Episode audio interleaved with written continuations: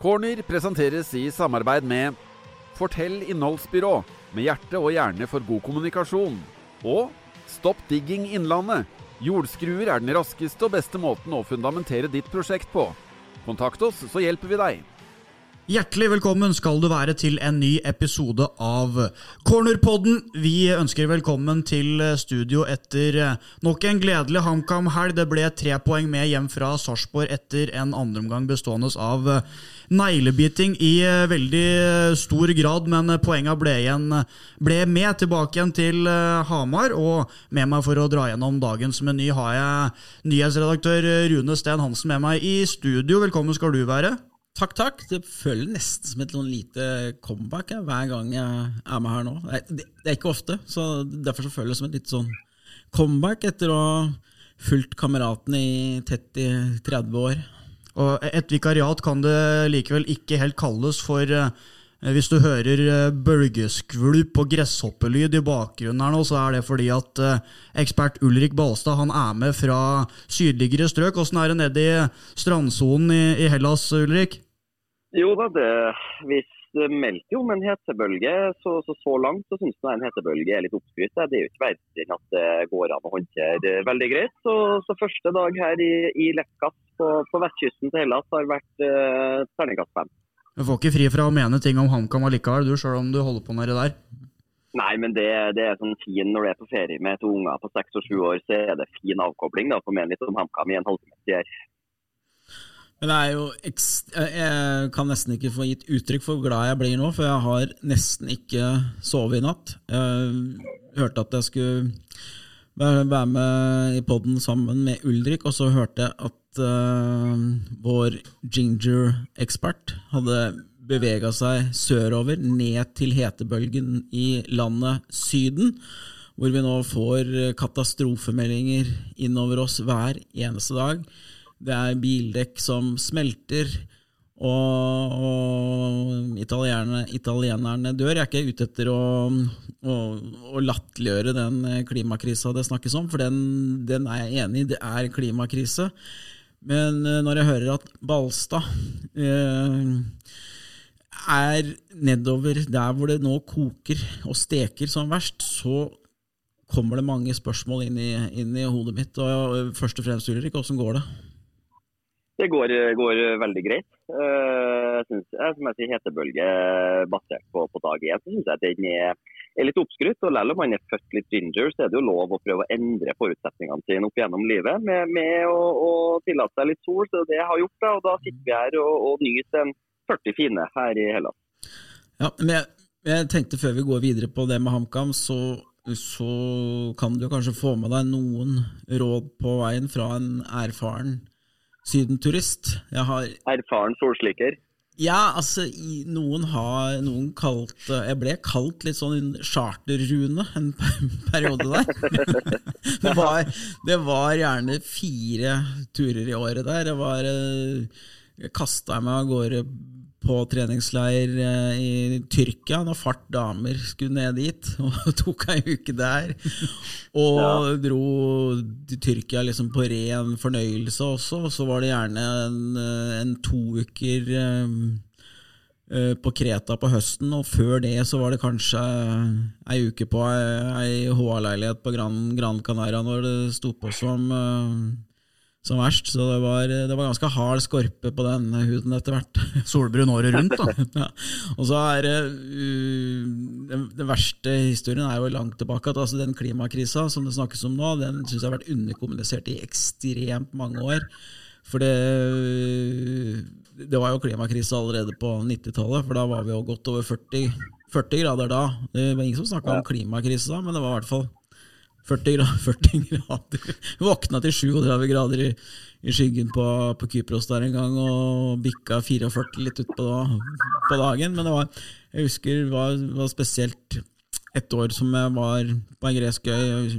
Akkurat nå så husker jeg ikke hvor det var, det spiller ikke noen stor rolle. Men det, var, det ble mye Ozo, ikke godt. Det er, det er lakrisspriten. Ja, ja. Det, som, får, de, som, grekerne bare kaster etter deg når du kommer inn på alle restauranter. De skal liksom Ja, Det er jo en grunn til at de gir det bort gratis. For det Sånn er jo ja, er det det det? er så vondt, Ja, altså. jo, enig. enig. Ja, øh, og jeg hadde jo røra i meg alt det der, og så mm, ble jeg liggende på, på, på stranda. Og mm, på 90-tallet, så det var, jo, det var jo solfaktor da, men jeg hadde veldig tro på litt olje. Ordentlig god oljeblanding. det kan hende det var en faktor to på den, den olja der. Og med de eh, isbjørnlegga som jeg har, eh, så det gikk jo fullstendig gærent. Eh, Jeg våkna, sovna på ettermiddagen der i Osorus, og våkna i åttetida, da hadde alle de andre dratt, og jeg våkna med med vannblemmer på legga så store som uh, kaffekrus, liksom. Så det, var- det, det var så mye vann på de legga. så du må, du må ta dette på alvor, Ulrik. Du, du kommer aldri til å bli en Ronaldo i huden, selv om du sikkert har følt deg som det på fotballbanen. Du Nei, er, jeg har ikke det, vet du. Du er ingen men Ronaldo, så vær forsiktig. Nei. Ja, for å være litt, litt seriøs her, så er det, det er masse drikke og det er masse bading. Og det er faktor 30 fra, fra vi står opp. Jeg skjønner det at, eh, at det er mange som, eh, som kan slite i varmen her. Men så lenge man er nok i, i vannet, så, så går det greit enn så lenge. Men jeg, jeg, jeg, føler med dem som, som ikke har de mulighetene. Da, da er det varmt. Nå, nå går jo faktisk eh, myndighetene i Italia ut med at nå er det nå er det farlig, så vi skal, vi skal ikke spøke for mye om det. Men jeg, jeg, jeg klarer Altså jeg er såpass old school at jeg syns det er morsomt at man uh, hyler om uh, over 40 grader i Syden, for det, det har det vært noen år, for å si det sånn. Det, det har det vært før. At det er varmt i Syden i juli, det er ikke den store overraskelsen. Nei. Da kan vi i hvert fall, eh, tror jeg, tror jeg i hvert fall vi kan konkludere med at eh, studiofolket har eh, mye på eh, hjertet, så lurer jeg på om vi kanskje skal legge reisebrevet litt eh, til sides i noen minutter her, for nå har det gått snart sju minutter, og HamKam har ikke blitt nevnt med et eneste ord. Nei, men vi kan, vi kan jo diskutere om HamKam spiller spille sydlandsk, som, som, som det har vært, vært stilt spørsmål om før. Så. Om det ikke er sydlandsk, så er det i hvert fall litt heitere om dagen. For etter ti strake kamper eh, uten eh, seier, så er det nå kommet to på rappen i Eliteserien. Men eh, siden vi satt i studio sist, Ulrik, så har det også vært en, en cupkamp. Det ble exit mot Glimt i kvartfinalen. Ehm, der, kom, der sa Visa stopp for HamKam sin del, men allikevel ingen sånn voldsom grunn for å henge med huet etter den forrige torsdagen der. Nei, jeg syns ikke Jeg syns det var, jeg synes det var et, et godt forsøk ja, av HamKam. De gikk uh, relativt eh, respekt, respektløst uh, til verks mot Glimt. og jeg synes de, Du så Glimt måtte, uh, måtte virkelig slite, for det avansementet der. Eh, og HamKam har eh, ja, I tillegg til altså Glimt skårer to, men, men kampen står og vipper lenge. Eh, så jeg synes- HamKam gjør et godt forsøk. Og, og det, som vi sier i corner, så er det ganske mange lag i Norge som har fått langt større problemer med det offensive arsenalet til Glimt eh, enn det HamKam fikk på, på Briskeby eh, på den, eh, den torsdagskvelden der. Så, så, så selv om han ryker ut og det er aldri artig det, så er det liksom en prestasjon som jeg føler at HamKam egentlig sier seg ganske greit fornøyd med på, på flere parametere.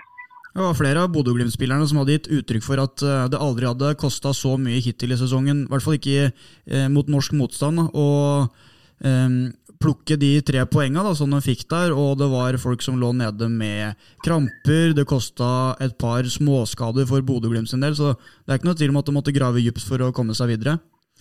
Nei, og det skjer jo sånn som han Sugell ble jo, om det var en sniper som traff en i hamstringen på, på, på høyresida der. Han måtte gi seg og er mest sannsynlig ut en stund. og Det var jo Marius Lode måtte vel ut med, med noen kjenninger. Og, og, så Det er klart det kosta for Glimt at de måtte, måtte grave dypt. Og, og HamKam eh, ja, ga- dem så god kamp som de, eh, som de egentlig kunne gjort. Så jeg syns det var en, en oppløftende prestasjon, selv om vi må, må fortsette å drømme om Ullevål i desember. Jeg er jo typen som kan glede meg like mye over et uh, ordentlig bra forsvarsspill, like mye som en, uh, som en uh, fantastisk enkeltprestasjon som ender med i scoring. Og jeg, jeg, jeg blir imponert når jeg ser hvordan HamKam nå har funnet en måte å prøve å tilrive seg noen poeng mot de aller beste lagene. Det er egentlig den eneste måten de har muligheten til å ta poeng. Eh, var ikke noe poeng på spill i den cupkampen, men, men sånn generelt da, så er det den måten de møter Bodø-Glimt på, og den måten de avslutter kampen mot Sarpsborg på, er i realiteten den eneste muligheten HamKam har, med den stallen de har i dag, sånn jeg ser det, er det den eneste muligheten de har til å, til å ta poeng i de, i de kampene der. Og det begynner å bli eh, såpass bra kollektiv i den 5-4-1 eh, som ikke, ikke, ble Den ble liksom ikke vist fram så mye, kanskje, før, før sesongen. Og det har jo vært en kjensgjerning at HamKam skal spille med to spisser, med Udal og Kirkeball.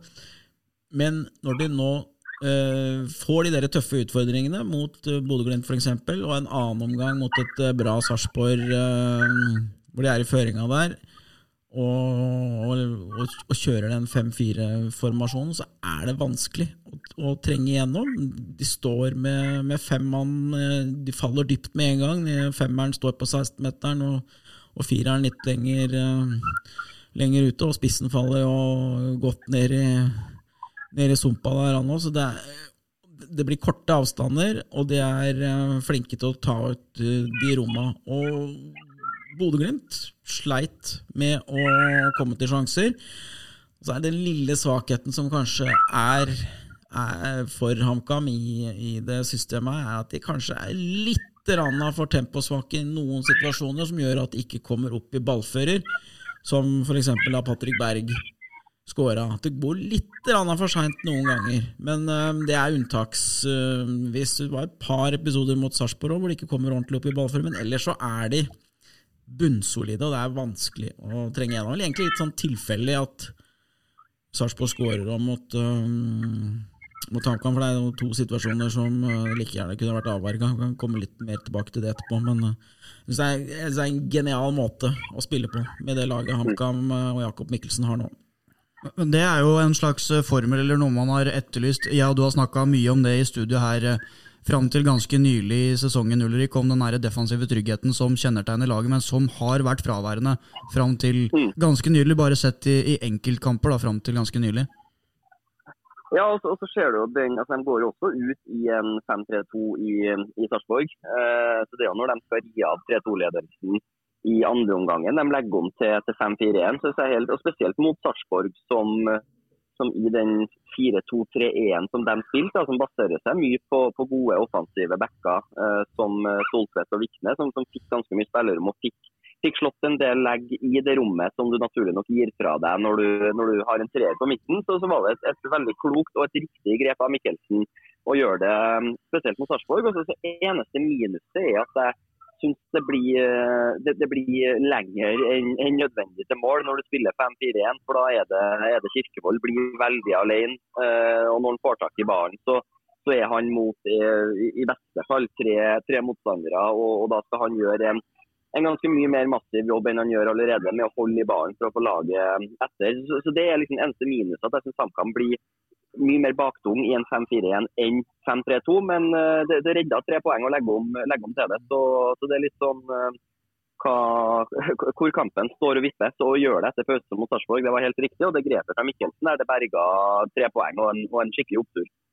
Det, det er jo helt riktig det du sier, at de blir, um, de blir litt for svake offensivt i den posisjonen. Det, men, men, det er det faktisk mulig å, å gjøre noe med da, nå i sommervinduet. Problemet til HamKam nå er at de har ingen naturlige kontringsspillere i den formasjonen. Altså, de spillerne har de faktisk ikke. Eh, de ender opp med Onsrud og Kjærgaard, f.eks., som de ytterste kantspillerne. Uh, eventuelt en Udal som egentlig overhodet ikke har lyst til å spille der, som heller vil sitte på benken, nesten, mistenker jeg. Ja, for, for det, det, er ikke en rolle han er komfortabel med i det hele tatt. De, de, har ikke de kontringsspillerne som kan ligge ytterst i den fireren på midten. Og Det tror jeg faktisk er en posisjon som vi kommer til å se at han kan komme til å jobbe med for å forsterke nå i, i, i sommer, for at det, den alternative formasjonen, som det kommer til å bruke en del uh, framover, mistenker jeg, i enkelte kamper og, og øyeblikk av kamper, som så kommer de til å prøve å få inn noen spillere som Eller i hvert fall én, da. Én god kantspiller tror jeg de må ha inn for å kunne utvikle den formasjonen enda et hakk. Og, og dette her med overgangsplanene til HamKam inn mot augustvinduet som straks åpner, kan vi gå litt nærmere inn på etter hvert. Men nå har vi prata mye om andreomgangen mot Sarpsborg, som eh, da sørga for at de tre poengene ble med tilbake igjen til Hamar. Men vi må si noen ord om den førsteomgangen Overlik. Vi var der nede. Det var totalt kaos. Ingen av laget hadde kontroll. Det rasa inn mål. Folk rakk så vidt bare å sette seg igjen før det smalt på ny. Ja, og det var jo altså, sånn som vi tolka Sarpsborg-publikummet rundt oss, var jo de vant med det at Sarpsborg uh, slipper inn mye bakover, men, men også skårer, produserer bra framover. Men, men, det er ganske sånn utypisk å se HamKam så åpen eh, som vi gjorde før pause der. med, med gikk til pause med en 3-2-ledelse, og at de tillater seg flere av målene, er jo, er jo pomstringa. Eller første målet i hvert fall er jo en overgang imot som, som, som man ikke skal slippe på bortebane med den defensive tilnærminga som HamKam hadde. Så det var litt sånn om det var avtalt litt på forhånd at man, at man, skulle være mer åpen, eller om det var, om det var å, si, uh, å, å, bruke medvind til, til, det den var god for. Det, det er vanskelig å si, men, men, det var en veldig sånn åpen kamp. Og, og det bølga begge veiene. Og det var også et, et eh, relativt svakt boksspill. Vi kan jo, vi gå nærmere inn på, på målene for så vidt utover. Men, men sånn som første målet er jo, er jo et ballmist, andre målet er et, et, et svakt forsvarsspill av HamKam. Så det er også en, igjen da, også en grunn til at målene uh, slippes inn sånn som de gjør. Ja, for Hvis du tar, eh, kan gå litt mer grundig inn på det du nevner der. da, Det er for så vidt eh, noe å plukke på i, i boksspillet og forsvarsspillet begge veier i den, i den, omgangen der. Men hvis vi tar det sånn mål for mål, da, hvordan ser du på hendelsesforløpene? Første målet er jo nesten en litt sånn altså HamKam har mye. Det blir jo den, den, en klok mann en gang. så at Det verste du kan få er kontra på kontra. altså og, og At du mister ballen når du sjøl skal kontre. Det er jo litt det som skjer med Kirkevold, som har et, eh, et svakt ballmist uh, midt på banen der, når HamKam har muligheten til å kjøre fremover. og Så kommer Sarpsborg på, på HamKams venstre side og, og får slått et legg flatt foran som han Ikke lettere overvektig, men han, han junior fra, fra Sarpsborg der.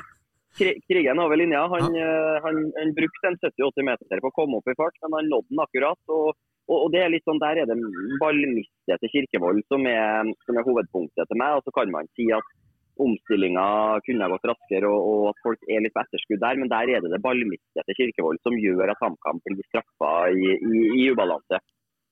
Ja, men jeg syns jo det ballmisset skjer så langt i banen. Det skjer, midt, det skjer faktisk midt på banehalvdelen til Sarpsborg. Så jeg mener at det er ganske god mulighet for å rydde unna den, øh, den, den overgangen øh, likevel. Og det, øh, det er jo Tore Sørås som, som til slutt gjør en litt for dårlig avvergings, et, avver, et litt for dårlig avvergingsforsøk der når innlegget blir slått. Nå, jo, nå, nå spilte jo han en, en, en, bra kamp i, i Sarpsborg, men jeg, jeg, mener at han er direkte involvert i begge de baklengsmålene i første omgang. Han klarer ikke å hindre det innlegget, det syns jeg han bør klare. Og det andre målet, så, så, er han også den mannen som, som misser, som glipper markeringa si. Eh, blir stående og se på ballen i lufta, og det blir litt rom bak den. Og, og, og, så blir det en kollisjon i situasjonen etterpå som gjør at det blir, blir goal. Og jeg, Tore Sørås er en spiller som nå kommer til å brukes i større grad eh, som eh, slags indreløper eh, på HamKams midtbane.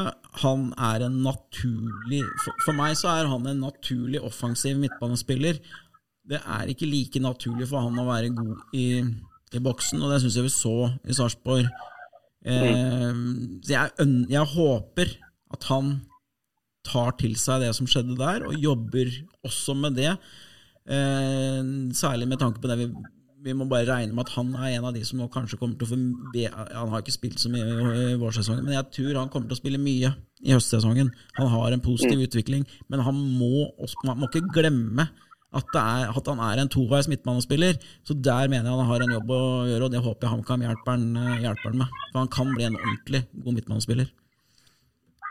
Eh, og da med en av de årlige Christian Lønstad Onsrud-perlene, da, som sikra 3-2 og HamKam-seier. En kjær, kjært etterlengta seier. 3-2 ble det til HamKam i Sarpsborg. Og før vi går videre og snakker om Stabæk-kampen og det kommende overgangsvinduet, så tar vi en liten pause for å gi rom og tid til våre kjære annonsører.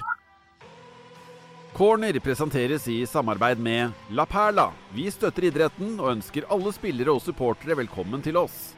Og Mylift, totalleverandør av utleieprodukter til bygg- og anleggsbransjen. Vi har avdelinger på Hamar, Elverum, Gjøvik og Dal. Velkommen! For om eh, ikke veldig lenge så blir det muligheter for norske klubber til å kjøpe og selge og registrere spillere igjen. En av klubbene som eh, garantert ser etter muligheter for å gjøre saker og ting, det er uh, HamKam. Um, Ulrik, hvis du skal starte med å si hva du tenker er si, behovene til uh, HamKam inn mot uh, augustvinduet, hva, hva, tenker du da?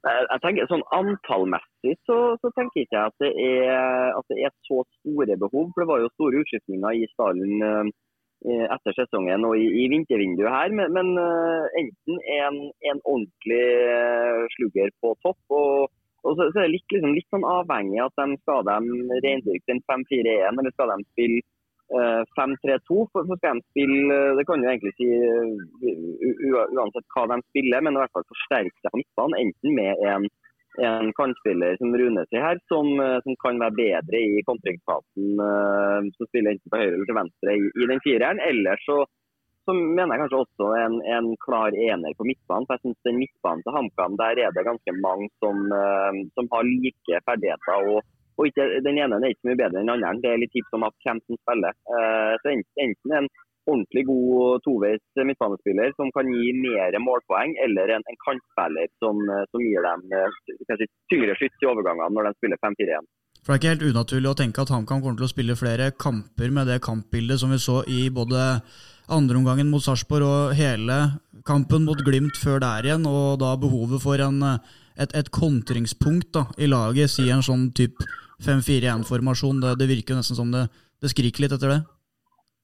Ja, men, men så er det, så er det liksom litt det at det er også det vanskelige med hvilke typer ser du etter uh, i, basert på spillestilen. For den kontringsspilleren i en 5-4-1 er jo ganske sånn overflødig, passer ikke inn i systemet i en, en 5-3-2. Så det blir litt sånn som da Rosenborg henta John Pelou fra, fra, Kongsvinger og, og, passer perfekt inn i 4-3-3-en vår. Eh, fikk han høre da han signerte, og dagen etter er Erik Hamren trener, og da skal det spilles 4-4-2. og da, da, var han helt overflødig. Så det er litt sånn, du, du, du, du må liksom hente typer som, uh, som passer inn i det systemet du skal dyrke. og Der ser jeg en litt sånn potensiell felle i, i spillelogistikken nå i høst. at de, det, er, det, er, ganske stor forskjell på, på kvalitetene til en midtbanespiller i 5-3-2 og en, eh, en, på sida i, i 5-4-1. Så, så, så, det er litt sånn hvordan kurs er det de ser for seg mest i høst. Mm. Rune, har du noe å tilføre der?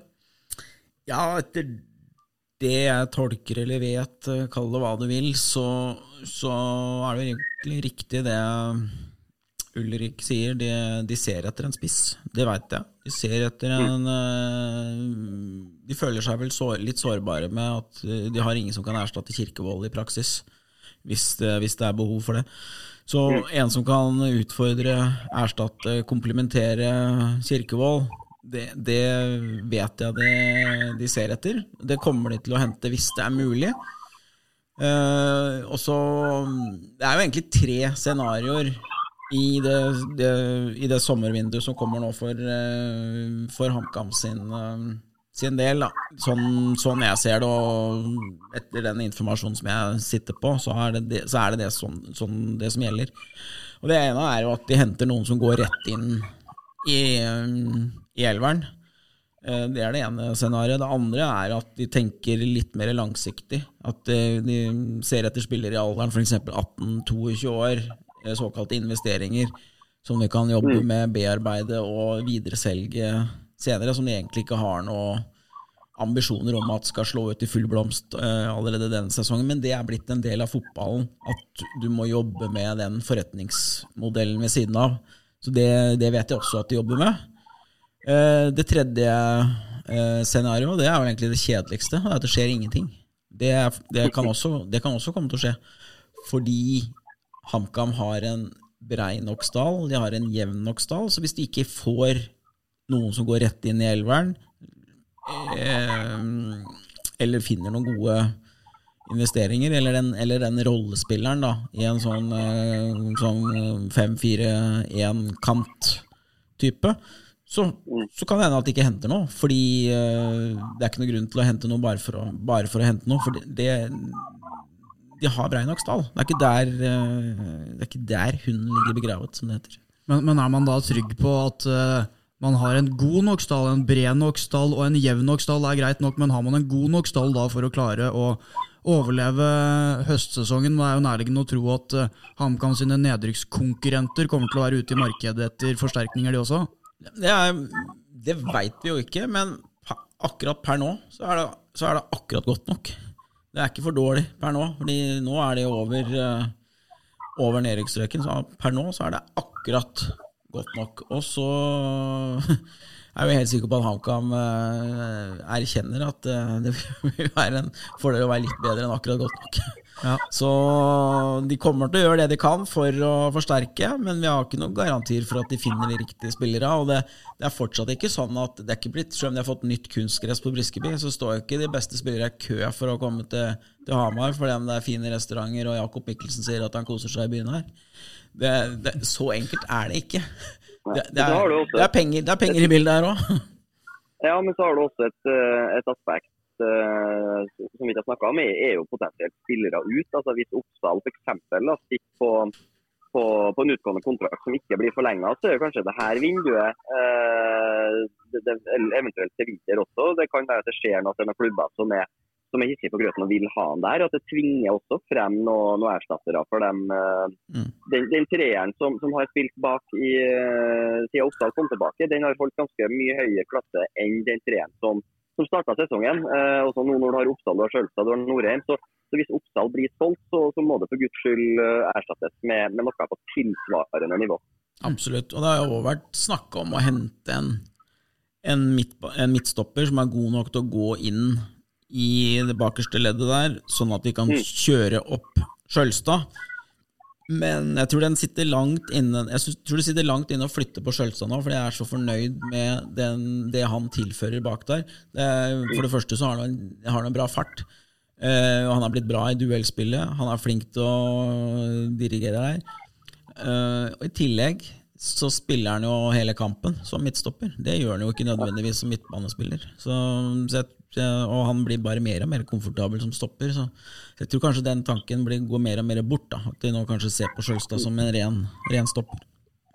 Og så er det også det, det å skal finne en sånn, om det er høyre til venstre, i, i den fireren på midtbanen. Eh, det, I min er det kanskje den vanskeligste rollen å, å finne en spiller på, for du, du må være så komplett. Uh, okay, si, si, at de vil ha en offensiv en som uh, som, eh, som, en god kontringsspiller, da, de, da, finner de mest sannsynlig en som, eh, som har ganske klare svakheter defensivt. Altså, det er litt sånn, uh, ja, altså, det, tror jeg skal, tror jeg skal, skal godt gjøres. å finne uh, å finne en som er så god at han bare går rett inn og forsterker laget av de kantrollene. At, uh, at ikke defensive fundamentet til Mikkelsen blir lidende av det. Men det, det blir spennende å se.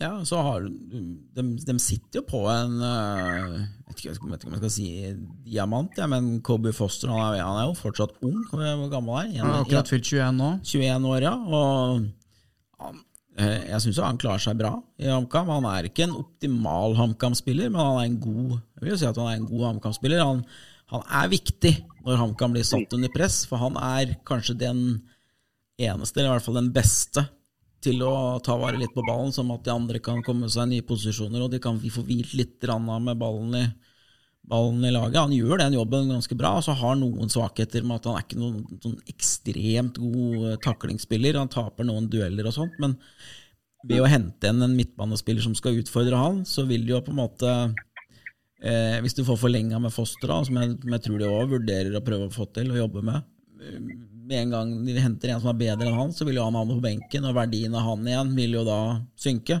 Så det er jo noe det er jo flere poeng å tenke, tenke gjennom når du skal forsterke laget òg. Men uh, klart, får du den optimale får du den optimale, sentrale midtbanespilleren som er vesentlig bedre enn Foster og Kurtovic, så, så er jo ikke HamKam der at uh, de, de, kan tørre å si nei til det, liksom. Det, hvis, hvis, det er mulig, så gjør de jo det.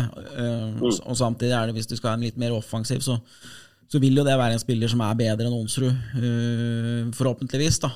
Så, som kan gå inn og være enda bedre enn han. Som, jeg syns jo Onsrud er god, men det, er, det finnes jo bedre fotballspillere i verden også. Gåber, ja, jeg bare, ja, legge til, bare, bare, legge til, det at jeg prata Han har jo da mm, et halvt år igjen av sin eh, nåværende kontrakt med HamKam. Vi prata faktisk med han så sent som tidligere i dag om eh, denne situasjonen her. og Foreløpig så har han ikke hørt noe fra klubben om, om veien videre. Men uh, det er jo naturlig å tenke at en 21-åring som har vist seg god nok for Eliteserien, er attraktiv og skulle få på en, en ny og, og forlenga kontrakt, også da med tanke på de Eh, den potensielle videresalgsverdien da, som vil ligge i KB Hernandez Foster? Ja, absolutt. Og det jeg skal bare si her er, er Det kom jo inn ganske mange signeringer i augustvinduet i fjor, på tampen av vinduet. Eh, men HamKam endte vel opp med å, med å stille med, med, samme laget som de gjorde eh, på, på, på egentlig alle, alle kamper på våren, også utover høsten det er vel ikke sånn den der second hand-butikken i Hamar. Det flyr vel ikke ut drakter med, med, Hassan og Victor Lind og Markus Nakkim. Så det, det, er ikke sikkert at man skal gå etter kvantitet heller.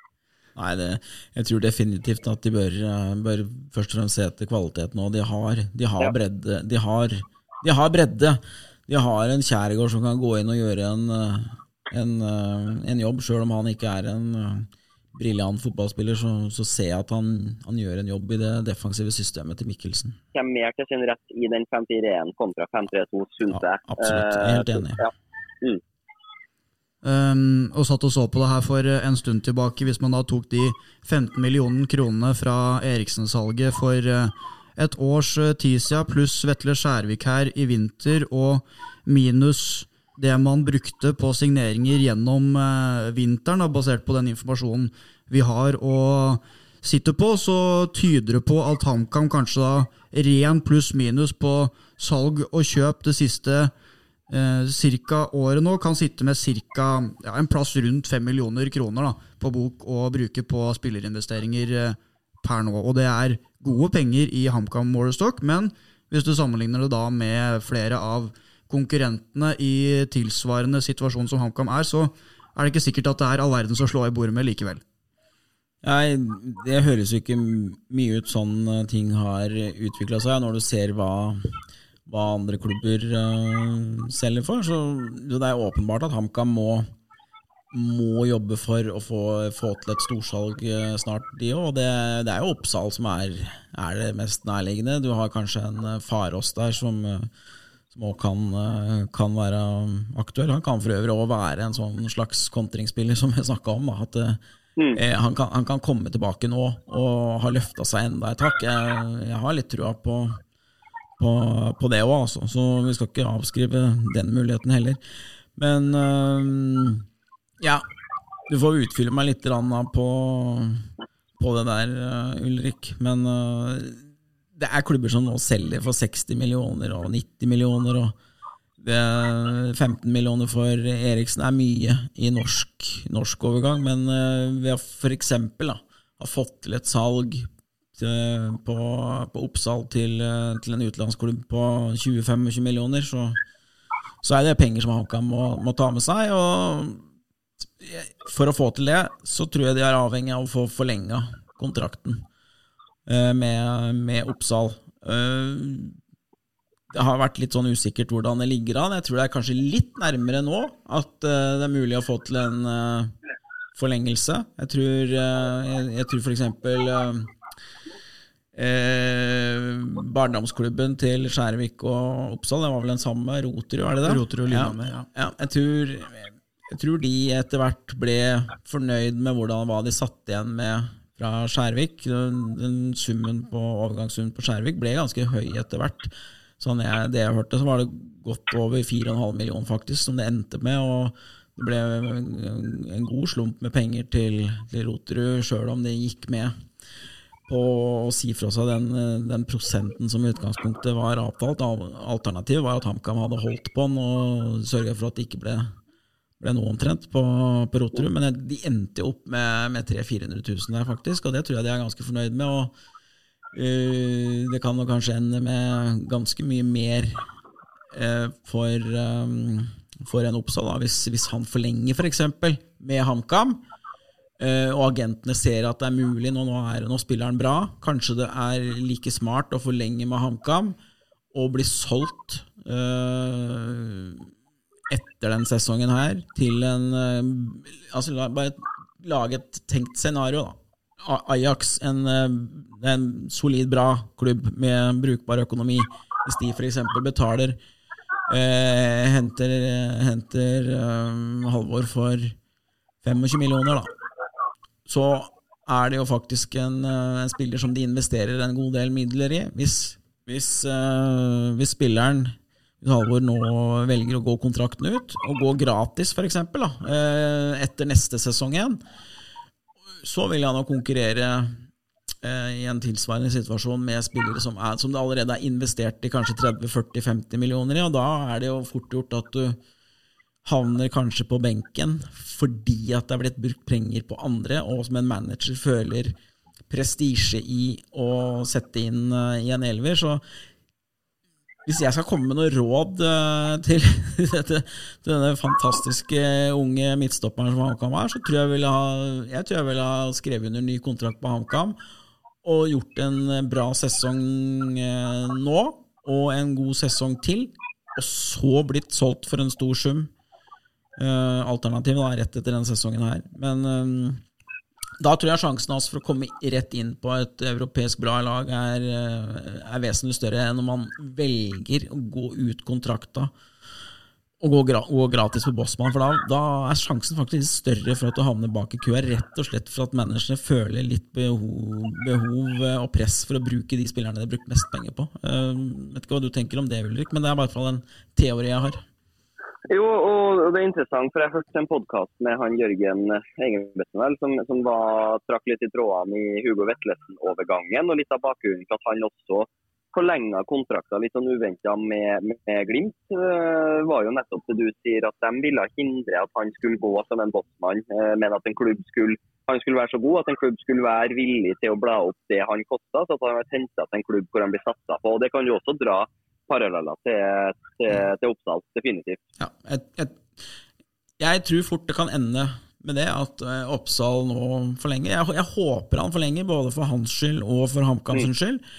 Uh, jeg, jeg, jeg, tror også agentene og ser at det, da er det større mulighet for dem å tjene penger på nå. Så mm. akkurat nå syns jeg det virker som det mest fornuftige valget, at han forlenger med HamKam. Og så kan vi da risikere at han blir solgt etter sesongen. Men da, da, vil det være bra for, eh, for HamKam økonomisk, og det vil være bra for, eh, for Halvor. For da står han i en posisjon hvor, han, eh, hvor, det faktisk er noen som vil bruke litt penger på han og satse på han. Det er litt annerledes hvis du går ut kontrakta og går til en norsk klubb, da. Da er det litt annerledes. Da, da er det nok ganske god sjanse for at du blir satsa på uansett. Men hvis målet er å gå til en utenlandsk klubb litt høyere opp i hierarkiet, så, så tror jeg det er den måten jeg ville gjort det på. Og Med tanke på um, den sportslige situasjonen som HamKam er i nå, så vil jeg tro at det sitter veldig langt inne å skulle selge Halvor Oppsal i, i, sommer, i hvert fall. Ja, det, ja, det må ikke de finne på. Uansett hvilke bud som tikker inn her?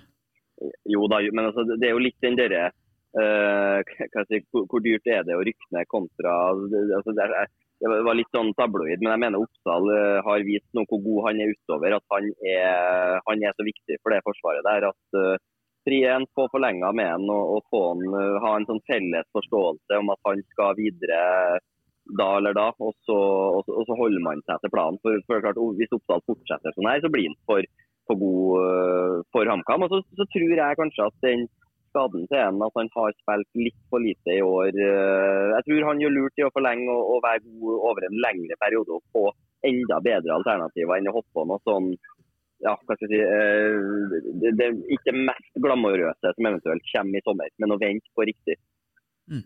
Det høres, eh, høres, eh, klokt ut, Ulrik. Det er ikke rart du ble førstevalget som, som ekspert for, for HA. Du veldig en, enig med meg her, det er fornuftig.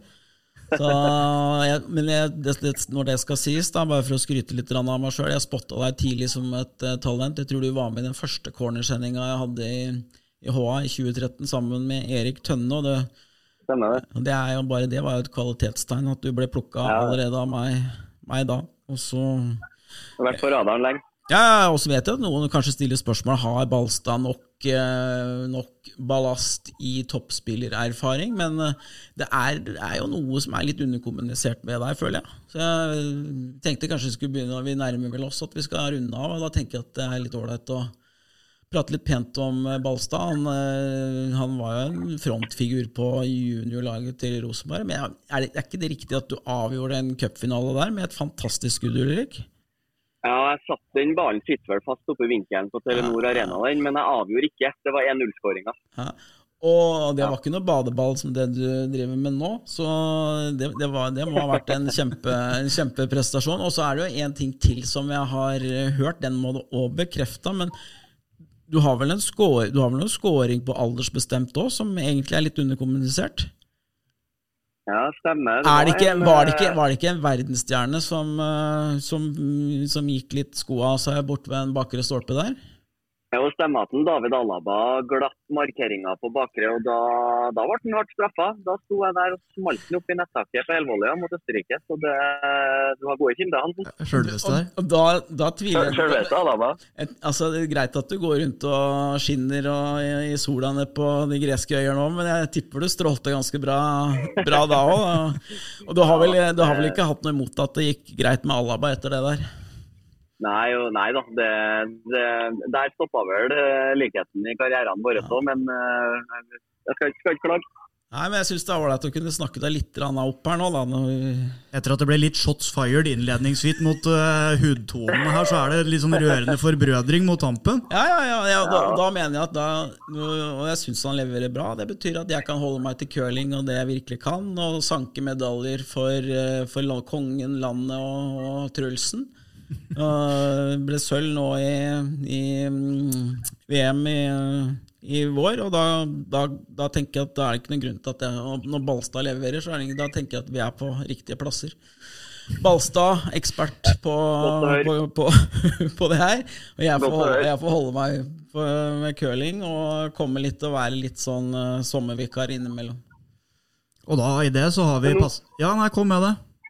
Nei, jeg skulle si, nå, nå, må jeg snart ta meg en dukkert her, hvis ikke jeg skal bli ramma av noe heteslag. Eh, og det vil vel ikke HA ha på seg? Nei, gud forby. Nei. Eh, ta deg en ordentlig god leskedrikk på min regning, eh, Ulrik. Det er deg vel fortjent. ja, fint det. Fint det. Idet vi har passert godt over 40 minutter med HamKam-prat, så lurer jeg på om vi skal runde av for denne omgang. På søndag så er det hjemmekamp mot Stabæk, som ikke har vunnet en eliteseriekamp på Seks uh, forsøk uh, nå. Hvis HamKam slår Stabæk, så har de altså passert dem på eliteserietabellen. Så er det vel bare om å gjøre å komme seg på Briskeby på søndag. Vi trer inn igjen i studio til uh, uka, vi. Og så får du som har gitt oss tillit denne uka her òg, ha takk for det, og på gjenhør.